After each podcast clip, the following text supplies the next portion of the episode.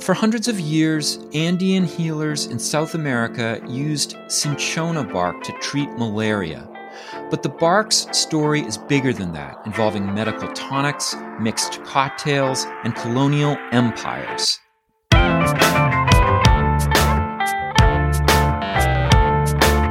It's time to eat the dogs. I'm Michael Robinson. Today, Kim Walker talks about the history and science of cinchona bark as a tonic, medicine, and mixer. Walker is a biocultural historian completing her PhD work on the cinchona bark collection at Kew Gardens. She's the co author, along with Mark Nesbitt, of Just the Tonic A Natural History of Tonic Water. Kim Walker, thanks so much for talking with me. No problem. Thank you for inviting me to your podcast. So, your book starts with a really interesting story of the Countess of Chinchon. The Countess was the wife of the Viceroy of Peru in the 1630s. Could you tell us about her story? So yeah, the, the Countess of Chinchon, like many many uh, origin stories, you know, there's always a beautiful damsel in distress involved in them. And the Countess of Chinchon was a figure that featured heavily in uh, origin uh, myths about the discovery of Cinchona. The actual discovery of Cinchona was a little bit mysterious, so I guess people made something up to make it sound great and to sell it, I suppose. But the Countess of Chinchon was meant to be, um, who was a real figure, uh, was the wife of the Peruvian viceroy and was said to have been really sick with malaria one day, you know, on the death door when she was cured miraculously by one of her husband's colleagues or a faithful indigenous servant who was also perhaps a healer. And she um, made a miraculous recovery and was so happy with Cinchona bark that she decided to return to Europe and dispense the cure on the, way, the waiting peoples. Wow. So she, she suffered from a fever and was cured by this, at least apocryphally. What did people think about uh, what did for example andean communities think about these trees and their medicinal properties well uh, the first thing i would say is that the, the story about the countess is completely uh, false because her husband was an avid diarist and kept uh, notes about everything that happened in the family and at no point does she ever mm. be on the edge of death or get treated by a miraculous cure which you'd think would feature quite heavily if it did happen so we know that that wasn't true. But yeah, perhaps this story um, emerged because nobody really knew the true origins. And that's the interesting thing because nobody really does know where the origins of using cinchona for malaria came from. And that's because of many different factors. One is that it's debated whether or not there was a mild form of malaria in South America before the Spanish arrived, but we know definitely know that when they arrived, they brought a really fatal virulent form with them from within themselves and also in the bodies of enslaved African peoples that they brought from West Africa. Before this time, people didn't have this type of malaria, which was really, really severe. And so, if there was no malaria before the Spanish came, then it's unlikely or impossible that the cinchona would have been used for malaria. The other thing is that the malaria, when it was in South America, tended to stay to lower areas like cities and marshy areas, where the cinchona trees is quite high up in the Andes in cloud forests, and malaria doesn't really spread around there. It's not really a disease that was in that area. So how the two met is a little bit of a mystery. The other thing is we don't have any records that we know of that show how cinchona was used in any other way before this. What's likely to have happened is that with this introduction of an old world disease into South America, it was widely acknowledged that the indigenous healers of the Andes were had really superior botanical knowledge and medicinal understanding of the plants around them, which makes sense than the Spanish. So where there was a, a meeting of this with old world diseases and new world understanding, there's no doubt that the cure probably arose from from knowledge like that in the face of a new problem. I found that so interesting because it made me think well, cinchona must have been something that indigenous medicinal practitioners would know about, and that malaria itself isn't well understood, may not even exist in South America. And then when these barks are brought back to Europe, it seems like it's sold pretty widely, but not connected specifically to malaria, but just to fevers. I was wondering if you could talk mm-hmm. about what happens to cinchona when it goes back to the old world. Well, this is one of the interesting things is cinchona bark doesn't actually treat fevers. Fevers are just a side effect of the malaria parasite in your blood.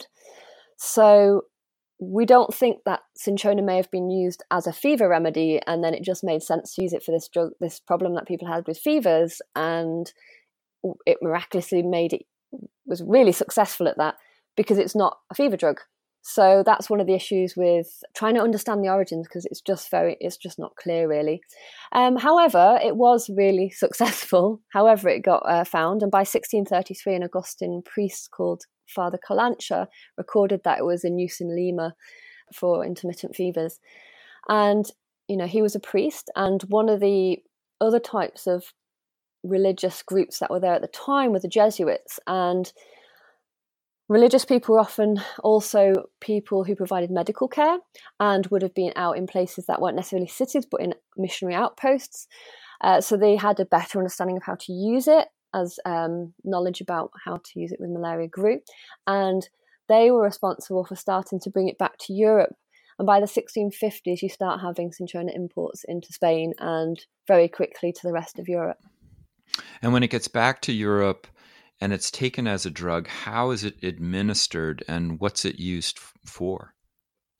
Okay, so the cure comes from the bark of a tree. It's pretty hard to eat bark. It's pretty tough. Um, even if you were to eat it down, it's you know the chemicals inside are pretty much trapped inside the woody plant cells which are really tough so what you need to do is grind it up and make it into a way that you can drink so either you would decoct it which means putting it in water and simmering it so you get a really dark bitter juice or the other way which seemed to be very popular was putting it into wine and that's how the first record of it was about it was putting a little bit of this ground up bark, the size of two coins, is what Father Calancha said, into a bit of wine and taking it. And of course, not only does that help absorb some of the chemicals out, um, but it makes it a lot more palatable.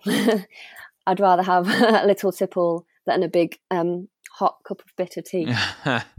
well, yeah, I was actually wondering. You talk about how, and this may be getting ahead of myself because I want to talk to you at the end of the podcast about the gin and tonic, but um, how alcohol is quickly married to cinchona. And I was wondering if the alcohol that's used in these medicines was it just that it was a pleasant vehicle? If you're going to taste something really bitter then you might as well you know take a shot of some hard liquor.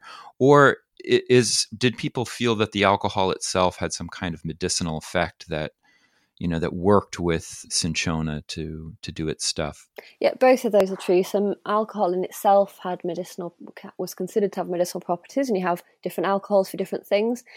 This is over a long period of time so just taking for example later on in the 19th century people were suggested to have cooling drinks for hot countries and warming drinks for cold countries and you can still see that today when you might get suggested in folk remedies to have a nice whiskey when you feel like you've got a cold so you do have this association with certain alcohols being medicinal itself and the fact it's just nice to take probably helps a lot. So you, mentioned that fevers they, they kind of fit into a system of medicine, Galenic medicine, which I think is based on this idea that you have these these different humors. So I was wondering if you could talk about that. And in your book, what I found interesting is you said that actually cinchona seems to work against some of the ideas of humor based medicine. What what was that? Why was it challenging? Sure. It's just a discussion about the I mean, you imagine that, like, if you find a miracle cure for something that really affects daily life, you know, affects people. I mean, malaria was everywhere. It was even in Britain. People don't really realize that because it's not within living memory anymore. But malaria was all over Europe, it really affected daily life and history in all sorts of ways. Um, and so, if it was such an incredible disease and it was such a good cure, how was it not accepted? And one of the issues with that was A, that perhaps sometimes what people thought was cinchona it wasn't cinchona, and so it wasn't always successful. And the second thing is cinchona didn't quite work in the way that people were used to medicines working.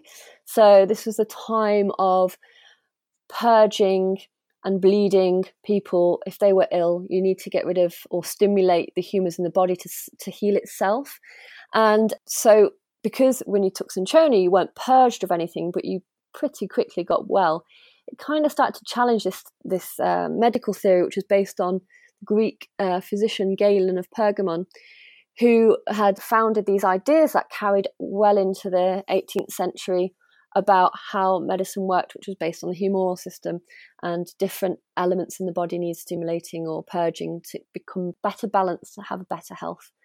And yeah, cinchona didn't purge. And so it started to, it was around the time that people were questioning and more science and more interest in as you get towards the 18th and 19th century into plant compounds that might be in plants that might more directly affect medicine. So it's just during a period of time that really raised some questions about how medicine was understood.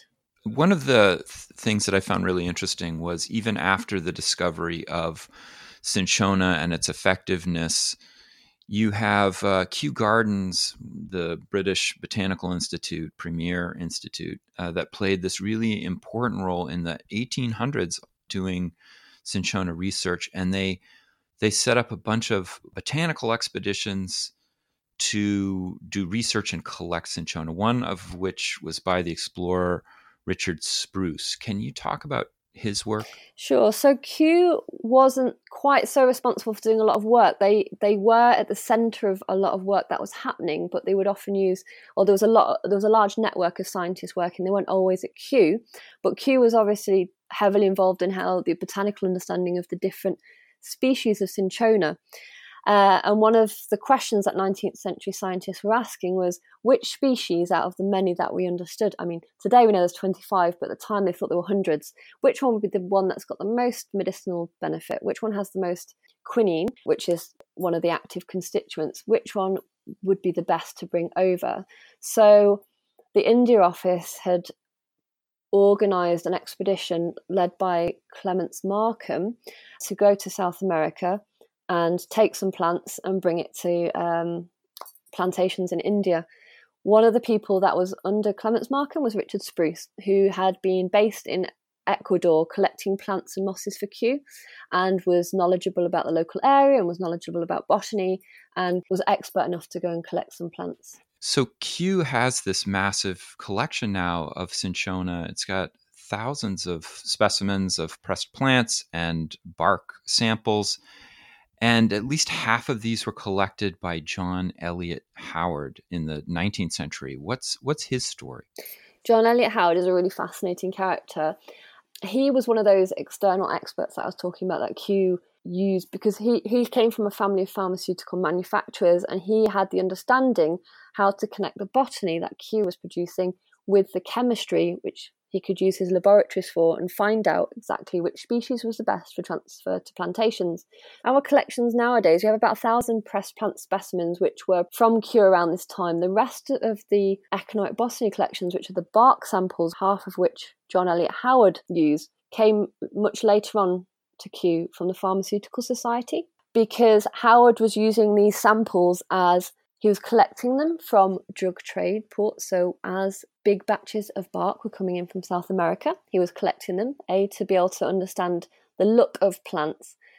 So, if you're a physician or an apothecary and you're collecting cinchona at docks to make your own medicines, you want to know how to tell if something's a good plant or a good cinchona sample or one that might mm-hmm. not be very medicinally effective. So, he's working on this question both for practical reasons because he, he wants to make sure he gets good bark for his company Howards and Sons, but also because he's working on this question which species is the best. Because at this point, people are starting to worry about over harvesting in the world. There are lots of people going over to South America and worrying about how they're seeing the plant collecting practices might be affecting future markets, especially as quinine starts to become more demand. So they start to question whether or not people should grow it for themselves in plantations.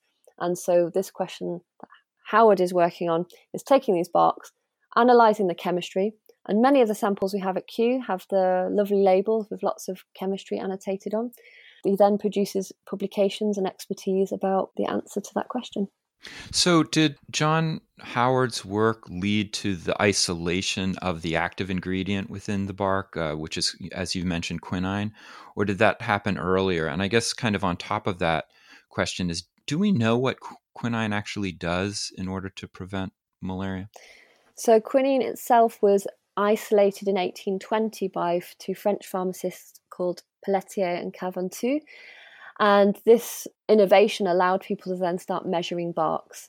You can get your bark, you can figure out what species it's from, you can then analyze the chemistry and then hopefully connect which species have more chemistry. And so John Eliot Howard is working from the 1840s to the 1880s on this question.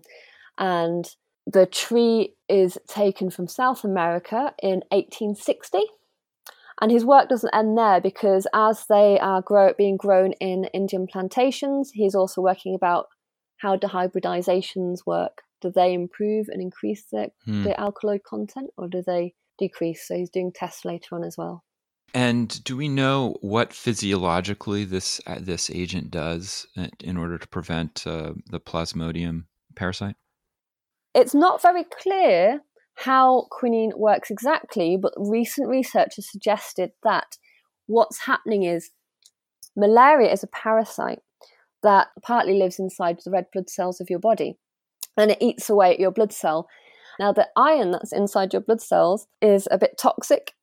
And so, as it eats, the parasite packages it up and, and sets it aside so it's not poisoned by it. And it seems to, to be that quinine and quinine alkaloids interrupt that ability to make that poisonous bit safe.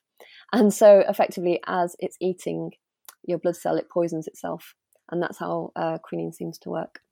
So, what I also found really interesting in this book that kind of spans from a medicinal agent to an alcoholic drink, you have this actually quite serious question about the role of quinine in empire building. So, how did the European powers use quinine as a part of their imperial projects? So, yeah, quinine has been called a tool of uh, imperialism. It was very important to various empires because not only do you want to keep your subjects malaria free, and so it's it's a good investment by governments, but if you're expanding into new territories where there are even more severe forms of malaria, you want to be able to control that as well. So it was involved in A, allowing you to move into new areas. And after 1854, when William Balfour Beatty went up the Niger, and previous to this, people had been using quinine as a cure for malaria. But because expeditions into Africa had been so heavy on losses uh, for Europeans dying on, on expedition, he decided to use it as a preventative. Mm. And he brought, he managed to bring back all Europeans alive. And from that point, quinine starts to be used preventatively.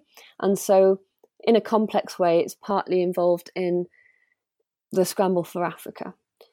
Quinine is also used as something to help control your colonies.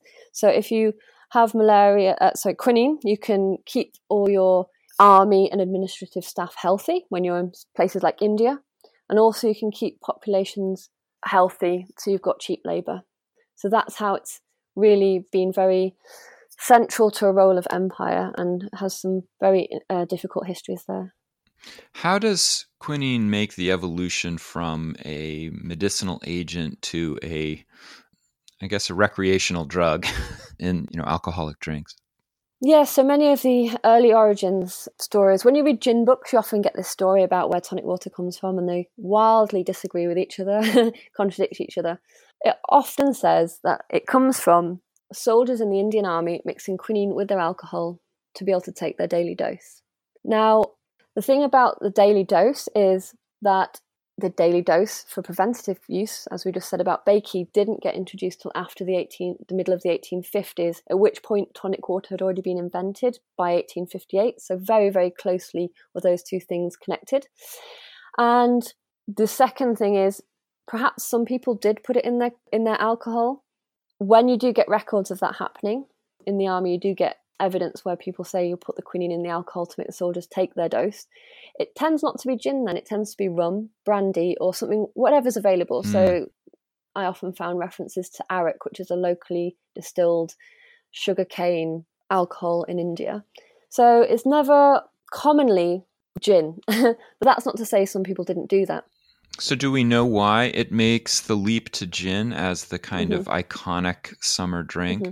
So, the first patented tonic water is 1858, and then the first reference that we know of to gin and tonic as a cocktail is in 1868. So, it's a very narrow amount of time for that to have happened.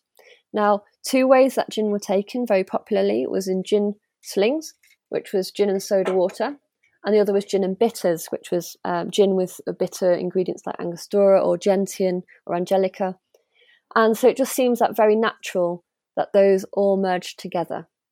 I also have references to people using quinine as a bitter cocktail ingredient. Wow. But what is very clear about this is that these cocktails weren't being used as a medicine. It wasn't that they were taking them for anti malarial mm. properties, which is where many of the myths and legends come from. So quinine has a kind of high moment in the early 20th century, and then in the in the 1940s, actually the story changes with the discovery of synthetic anti-malarial agents. Uh, what happens then? So quinine remained the um, quinine and cinchona bark remain the only anti-malarials known to the West, and still a very important medicine. By the Second World War, it's still very vital because when you've got soldiers, you need to keep them very healthy. In some parts of the world, malaria is killing more soldiers than bullets. The British and American governments are very reliant on quinine accessibility. But with the invasion by the Japanese into Indonesia and Pearl Harbor around the 1940s, supplies of quinine, which were coming by this time from established plantations in Indonesia, these were cut off. And suddenly everybody was very very desperate to get new anti-malarials. Mm-hmm. and it was at that point that some desperate experimentation happened and the synthetic anti-malarials were invented and from that point synthetic anti-malarials then dominated anti-malarial uh, treatment until yeah later on in the 60s and yet uh, tonic water lives on quite robustly as a as a drink. And I, and it made me actually think i guess two questions. One was did tonic water taste the same, do you think, in the 19th century? I find it very, very sweet, and I love gin and tonics, but I need to find the tonic waters that are not quite as sweet. And I was just wondering, so did it taste the same back then? And and just finally, do you have a favorite tonic related drink? So in the first uh, patent made by Erasmus Bond in 1858, he describes having quinine, sulfuric acid, and soda water. God. so I think they would have been slightly less tasty as they are today. You need acid in the water because quinine isn't water soluble, so it allows it to be dispersed throughout the water. We tend to use citric acid nowadays. I think the tonic waters now and then, either way, are not enough to be anti malarial probably weren't a million miles away in taste, but nowadays you have so much sugar and other flavourings in tonic water. So I think we might find it as a slightly different taste. What's your favourite drink? Uh, my favourite tonic water. Yeah. Well, I don't really have a preference because I do generally like tonic water, even on its own, actually. I, I do like to drink it. And um, in the book, you'll see we also tell people to embrace tonic water as a cocktail ingredient beyond gin. So I quite like it with wine. So I quite like plain ones because you can mix them with things like red or white wine, 50 50, chilled. Hmm. But for flavoured ones, I, it sounds like a plug, but I actually really like the Kew Gardens one. Um, I'm not sure it's available in America, but we have a really nice sour grapefruit one. Mm. It's really nice, mm, Moreish taste, let's say. Kim Walker, thank you so much for talking with me. Thank you very much, Michael. That's it for today. The music was composed by Zabrat Make sure you check out the Time to Eat the Dogs website podcast links and other exploration related stuff. And if you get the chance, please take a minute to rate and review the show wherever you get your podcasts. It really helps make the show visible to new listeners.